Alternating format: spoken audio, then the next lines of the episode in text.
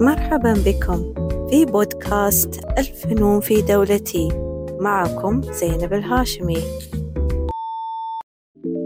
يعتبر الفن جزءا مهما من الثقافة والهوية الوطنية في دولة الإمارات العربية المتحدة وعلاقتها بالفن متواجدة منذ القدم في مجال الكتابة والشعر والموسيقى والتطريز والحياكة وصناعة الفخار.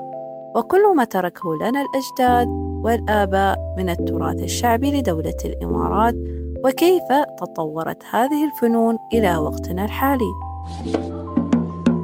قد شهدت الفنون في هذه الدولة تطور مذهلا على مر الزمن وذلك بفضل رؤية وتشجيع على التطور والإبداع في هذا المجال مما أضاف عنصرا جديدا وإبداعي إلى المجال الفني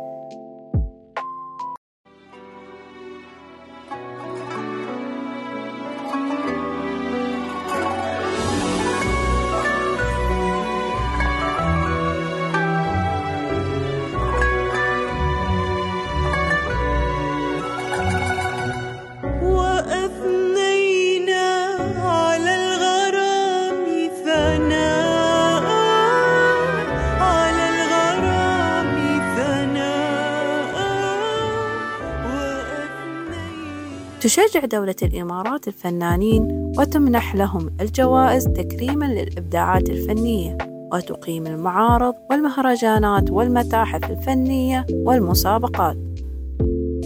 قد يتبادر في أذهاننا أن الفن محصور فقط في الرسم والرقص والغناء والتمثيل ولكن هنالك أنواع مختلفة غيرها من الفنون وقد تم تقسيمها مؤخرا إلى ثلاثة أقسام. الفن التشكيلي يضم الرسم والتصوير والخط والتصميم والعمارة والنحت والإضاءة. والفن الصوتي يضم الموسيقى والغناء والسينما والمسرح والإعلان والشعر وقصص الحكايات والتجويد والترتيل.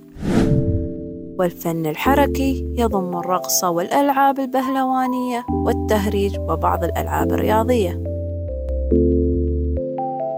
يمكن أن تتداخل هذه الفئات وتتطور باستمرار. وبمرور الزمن هي وسيلة تعبير قوية ومتنوعة تمتزج فيها الثقافة والإبداع لإيصال المشاعر والرسائل. عبارات عن الفن. الفن يمسح عن الروح غبار الحياة اليومية والعمل هو المفتاح الأساسي لكل نجاح. الفن شكل من أشكال العلاج. الفن جمال ومحبة وأخلاق ورسالة وصدق. المعرفة فن ولكن التعليم فن آخر قائم بذاته. الفن أسلوب والأسلوب هو الإنسان. فما هو الفن؟